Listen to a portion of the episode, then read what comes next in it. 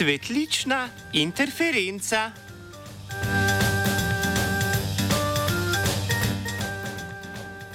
Mednarodna raziskovalna skupina iz Kitajske in Združenih držav Amerike je v reviji Science objavila članek o vplivu malih interferenčnih molekul RNK na razvoj novih sort rastlin krinkarja. Do zdaj je bilo znano, da so te molekule ključne za utišanje nekaterih genov. Ti namreč predstavljajo glavni regulator evolucijskega razvoja tako pri rastlinah kot pri živalih.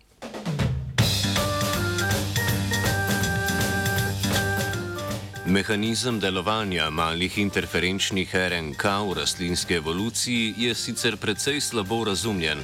Zanimalo jih je, kakšen je mehanizem delovanja teh molekul in kakšen je evolucijski izvor lokusa, ki jih kodira. Uspelo jim je določiti mesto na kromosomu, nekodirajoči jup lokus, ki producira male interferenčne molekule RNK. Te vplivajo na akumulacijo karotenoidov v cvetovih krinkarja, kar se kaže v njihovi raznoliki obarvanosti.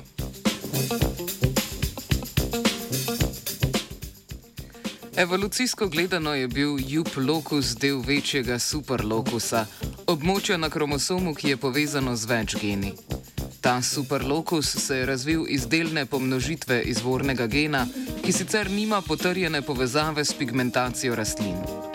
Med evolucijo se je superlokus razdelil v tri manjše lokuse, kar se upada s specializacijo različnih sort krinkarja, ki se fenotipsko razlikujejo po obarvanosti cvetov in načinu opraševanja. Raziskovalna skupina je izolirala male interferenčne molekule RNK iz cvetov z različno obarvanostjo ter določila njihovo koncentracijo z metodo qPCR. Znanstvena skupina je ugotovila, da male interferenčne molekule RNK, ki jih kodira juplokus, zmanjšujejo izražanje gena, ki je odgovoren za pigmentacijo cvetov. To storijo tako, da razgradijo prepisano RNK ter tako preprečijo prevajanje RNK v beljakovine in spremenijo ali popolnoma prekinajo metabolno pot sinteze pigmentov v cvetovih. Raziskovalke in raziskovalci sklepajo, da to privede do različne obarvanosti delov cvetov pri različnih sortah krinkarjev. Izražanje juplokusa v povezavi z ekspresijo drugih dveh delov izvornega superlokusa vpliva tudi na razvoj drugih spolov spolnih organov cveta.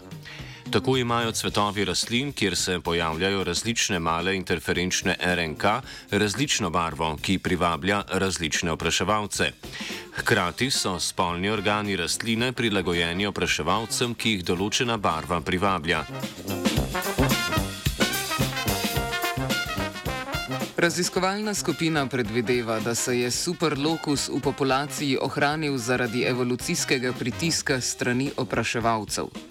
Mehanizem delovanja malih interferenčnih RNK pomaga ohranjati raznolikost populacije rastlin, ki pa je prav tako pogojena z raznolikostjo opraševalcev.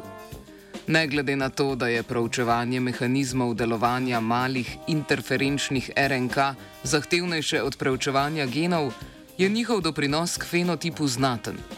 Do zdaj je bil fokus raziskovanja teh molekul omejen na modelne rastline, vendar se z razvojem bioinformacijskih orodij ter analitskih tehnik raziskave širijo tudi na druge vrste, kot je krinkar.